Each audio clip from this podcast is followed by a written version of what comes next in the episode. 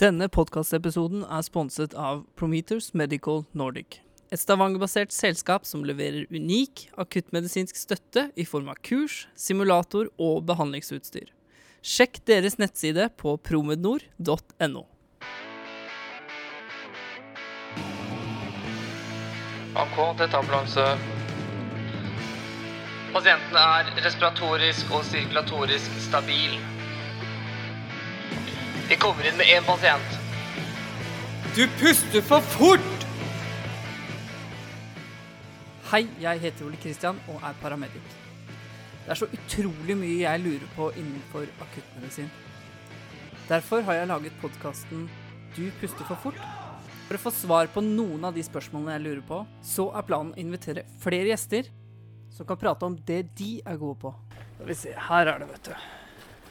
Her er eh, Skal vi se, Bygg 8 skal jeg på inn på. Bygg 8 kvinnesenteret. Mannen jeg skal prate med nå, jobber som overlege på Ullevål universitetssykehus. Han skal være med å roe nervene mine litt grann når det kommer til svangerskapskomplikasjoner og Hei. fødsler. God dag. Torbjørn Broch Steen her, overlege på fødeavdelingen. Hei, Ole Kristian. Ja, du ville ta meg med hit? Ja, du Vi må jo være der hvor det er action, så nå er vi på en eh, fødestue. Han guider meg inn på en. Fødestue.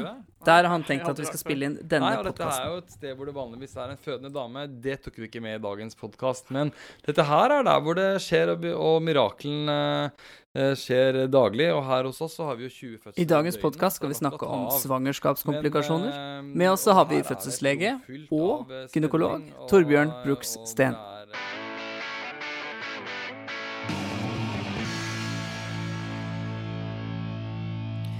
Det er- jo sånn at ved svangerskap og svangerskapskomplikasjoner, det syns jeg er utrolig vanskelig. Derfor har jeg invitert en som er utrolig god på det. Hjertelig velkommen hit, uh, Torbjørn. Tusen takk for det. Du skal hjelpe meg med å forstå litt med svangerskap og svangerskapskomplikasjoner. Jeg tenker på litt det med, mm, med ekstrauterin graviditet, eller gravid utenfor livmor. Ja da, og kjært barn har mange navn. Vi kaller det XU ofte når man snakker mellom hverandre. Og det er jo en del ting som er eh, superakutt, og det faget jeg jobber i, som er med kvinnehelse og fødselshjelp, er kanskje det mest superakutte av alle fag. Og det du sier der, det er en eh, veldig akutt eh, situasjon. eh, og den kvinnen dere da eventuelt vil komme til i en ambulanse, vil enten være en dere må kjøre fra en legevakt, eller som dere faktisk finner selv. Eh, og det er en av de grunnene til at er det en dame som er, som er i fertil alder, som det heter, eller har muligheter for å bli gravid, så skal man stille det spørsmålet Kan du være gravid? Eh, når det er akutte magesmerter. Og hvis svaret er ja, det kan jeg kanskje, så gå ut fra at hun er det. Og da vil det være en graviditet så Hvis den da er kjempevondt, og når man kjenner på magen, så skriker hun til, eller at hun faktisk er hemodynamisk ustabil, så tenk tanken eh, XU. Så smerte ved palpasjon og at hun er hemodynamisk ustabil pga. Ja, da vil det jo være blod i buken, og det vil jo føre til at man har en irritabel bukhinne som, eh, som eh, du vil merke at ved forflytning vil man skrike til, eller palpasjon. Eh, så man blir da såkalt eh, en eh, peritonitisk eller peritonalt irritert buk, i tillegg til at hun eventuelt er eh, hemodynamisk påvirket. Da, da skal det ringe mellom eh, fem og ti bjeller. Men hvorfor er det så farlig da å være gravid utenfor livmoren? Det trenger ikke å være farlig før det sprekker til. Altså med andre ord, Når du blir gravid, så vil en sædcelle faktisk ta hele veien fra vagina og livmorhalsen og livmoren helt inn i egglederen, og det er der eh, sædcellen møter eggcellen. Eh, og når den da går nedover igjen, tilbake for å feste seg i livmoren, så kan det være at hvis eh, det er f.eks. trangt eller vært gammel infeksjon osv., så, videre, så kan du få en situasjon hvor den fester seg uønsket der, og der har den ingen mulighet for å vokse. Og når den da skulle vokse og vokse og vokse, til slutt så sprekker det. Eh, og som alle deler av kroppen, og spesielt den del som har med reproduksjon å gjøre, så er det mye blodårer. Så det er da egglederen som er tynn som et tynt sugerør, hvis den skal romme en graviditet, så er det ikke veldig mange ukene, og da er det vanligvis sånn ja, fra uke fem og ut, opp mot uke ti, så vil den til slutt sprekke. Og når det sprekker, så blør det eh, skikkelig. Ja. Er det bare i egglederne man kan eh, bli gravid utenfor livmoren? Hovedsakelig er det det. Eh, det, det er over 90% som er, eh, er, der. Så er det også sånne situasjoner som blir vanskelig for oss hvis den skulle gå og sette seg nesten i det som heter tubehjørnet, altså eggleder eller tuben om du vil. Der hvor den går av livmoren, der kan også sette seg. Det er en supervanskelig operasjon sånn rent kirurgisk, men det vil ikke være noen stor forskjell for dere. Og så kan det være at den setter seg i både en eggstokk og en sjelden gang i, uh, i uh, buken, altså utenfor buken. Og ja da, jeg har vært med at den har satt seg i milten også. Så når man skal lete, må man lette ordentlig av og til, men det er en engangstilfelle over mine 15 år her. Akkurat. Så han kan sitte i magen også. Mm. La oss si at man jobber på et sted som er et stykke unna sykehus, og så er man på legevakten.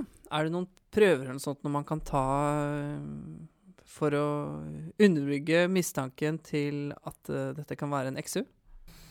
Ja, jeg ville nok alltid tatt uh, Hvis man kan få noe så enkelt som å ta en urin-HCG, altså med andre ord en vanlig graviditetstest. Mm. Det, er, uh, det, er, bra.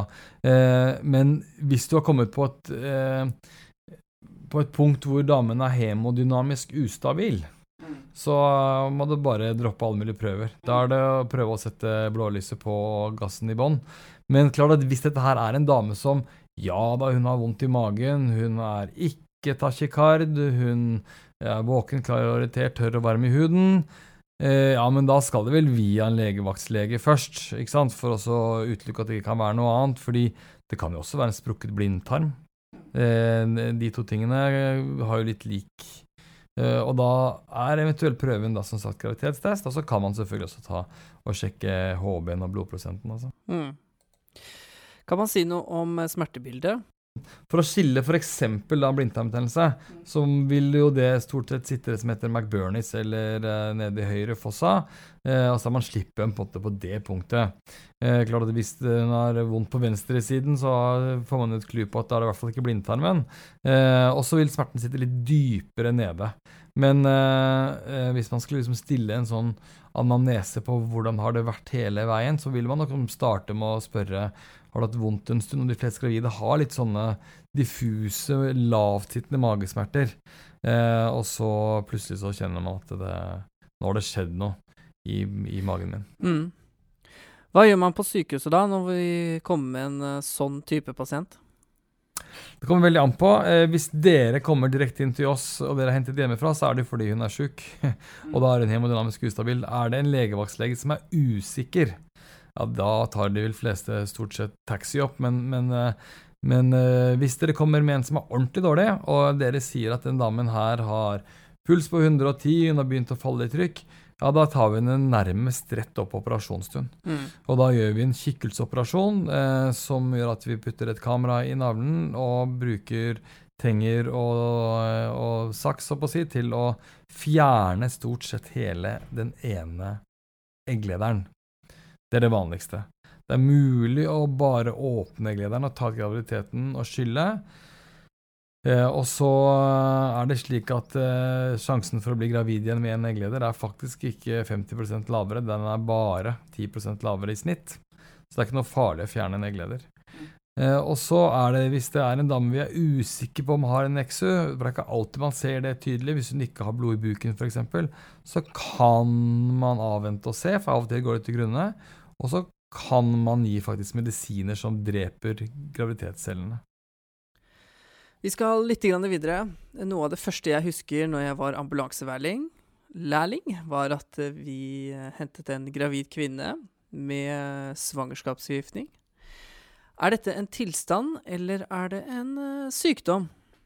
Ja, det er, en, det er, en, sykdom, og det er en veldig rar og spesiell sykdom. Og da må jeg nesten spørre deg, hvordan var det du uh, møtte den damen som hadde svangerskapssykdom? Nei, dette var på et uh, legekontor. Ja? Jeg tror hun hadde noe utslag på noen proteiner. Um, og kanskje noen leverprøver. Ja. Og hadde nedsatt allmenntilstand. Ja.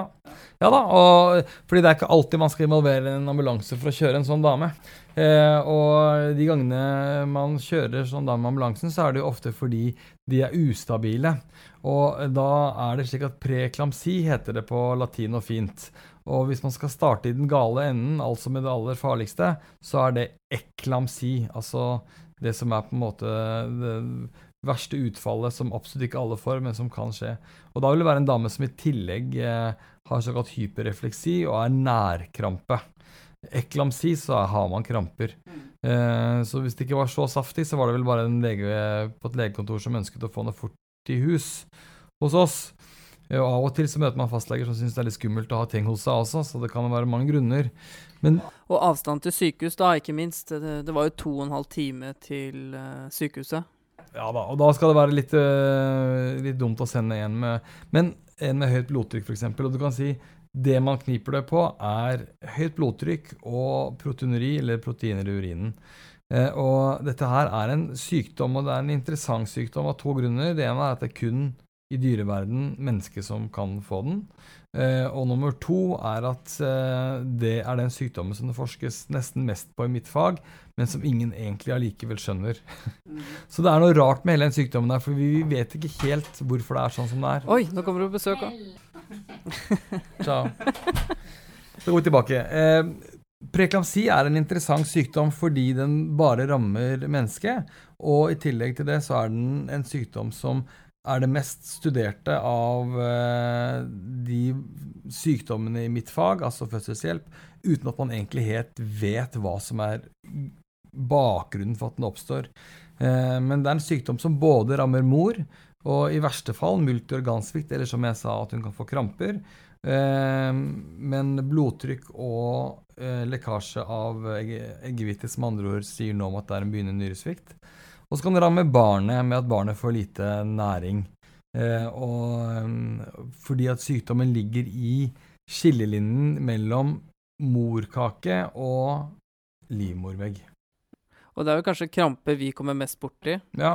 Men det kan også føre til andre årsaker. Lungeødem, eller? Uh... Ja, altså stort sett så lungeødem er veldig sjelden, og kramper er heldigvis supersjelden. Men uh, jeg har vært så heldig å få lov til å undervise på både ambulanse Eh, skolen på Høgskolen i Oslo, og også eh, på, fra Gjøvik. Og det er klart at fokuset mitt på den sykdommen er jo nettopp at dere skal kunne takle en gravid med kramper. Eh, og eh, i min karriere her på Ullevål som strekker seg over 15 år, så har jeg bare reelt sett hatt seks damer med kramper gjennom hele karrieren min, så det er en sjelden tilstand. Eh, men når dere da har en gravid som kramper, så skal dere tenke eklamsi til det motsatte er bevist. Eh, men i tillegg så skal dere også selvfølgelig tenke over at hun kan jo bare, bare ha epilepsi. Eh, men andre symptomer eh, vil jo da være eh, damer med høyt blodtrykk som ikke er et symptom i seg selv, men som kan tilføre at hun da kanskje f.eks. får hodepine. Og hvis man ser kvinner som har alvorlig preeklamsi, så vil de gå inn organsvikt som inkluderer leveren. Så et annet symptom dere kan oppleve, er en dame som har brystsmerter. Egentlig er det leversmerter, men eh, det er nesten som om, man, som om, det ser ut som en dame som har et hjerteinfarkt, faktisk. Mm. Så har du en gravid dame som tar seg til brystet og ser litt sånn sånn Oi, her har vi klinisk blikk kun med å ha et eh, pågående hjerteinfarkt. Så tenk faktisk eh, preeklamsi. Mm. Uh, uansett så skal dere bare kjøre så fort dere kan til, uh, til en fødeavdeling. Men uh, det er mer sannsynlig at det er symptomer fra en alvorlig preeklamsi enn at det er hjertesmerter. Jeg tenker vi går litt videre. Ja. Vi skal prate litt om gravide og traumer. Spørsmålet mitt er egentlig hvor mye tåler mor, og hvor mye tåler barnet? Mot uh, ja, stumpe traumer, da. Mm. Altså, eh, det, det, som jeg vil si om traumer, er at uh, hvis man skal lage et pasienthierarki, så er vi på mor først. Uh, så man skal på en måte nesten se bort fra at det er et barn i magen. Det skal selvfølgelig meldes fra om, ikke minst så skal det, eller bør være en gynekolog, fødselslege, i traumemottaket. Uh, og Så det er en viktig side av det med traumene. Men noe annet er jo at det med traumer kan jo forårsake at mor kan bli dårlig på bakgrunn av graviditeten.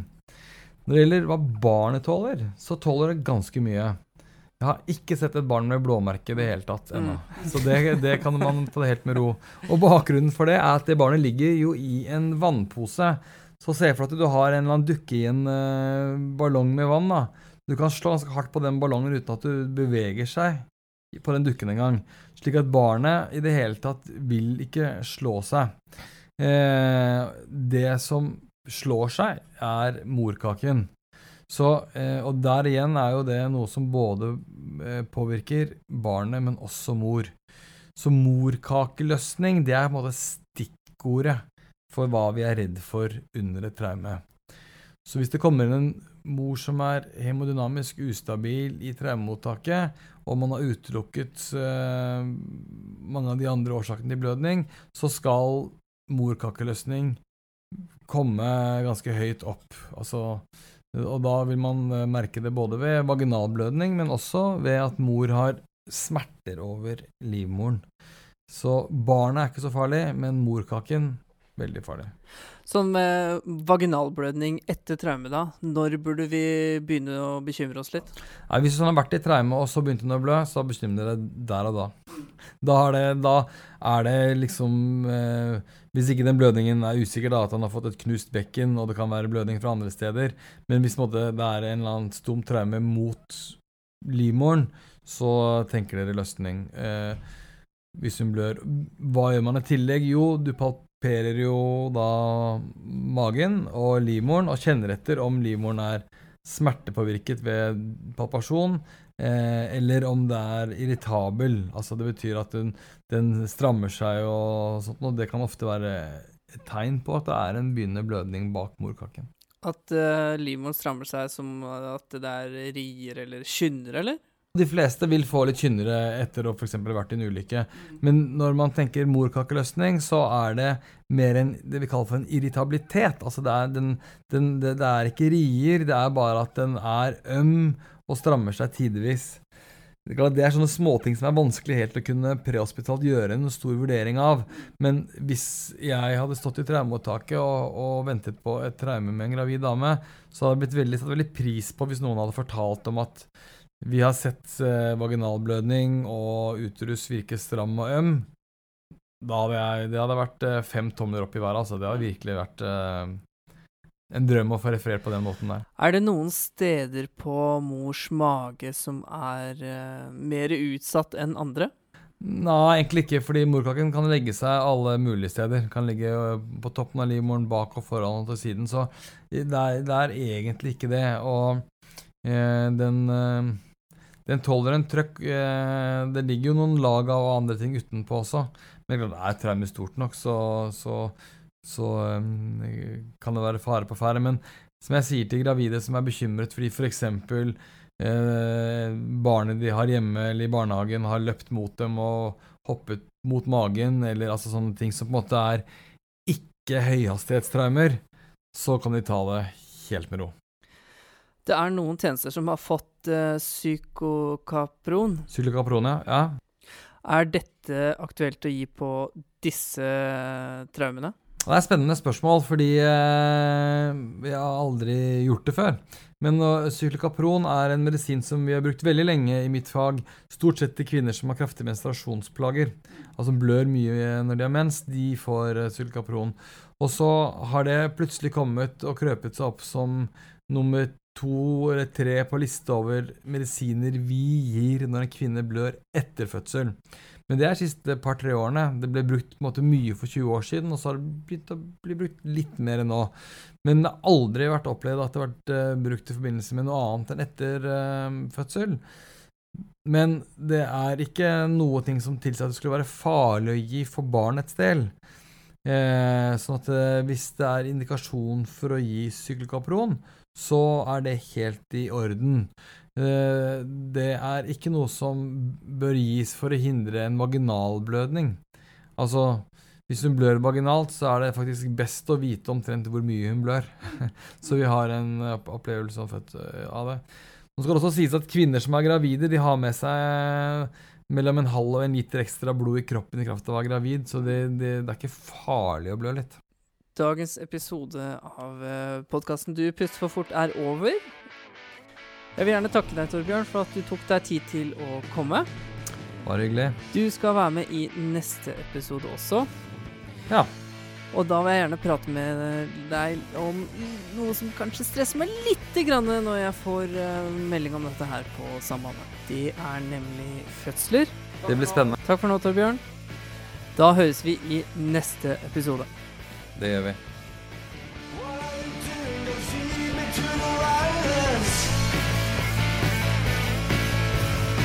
You can't control me, you move with waste makes me sick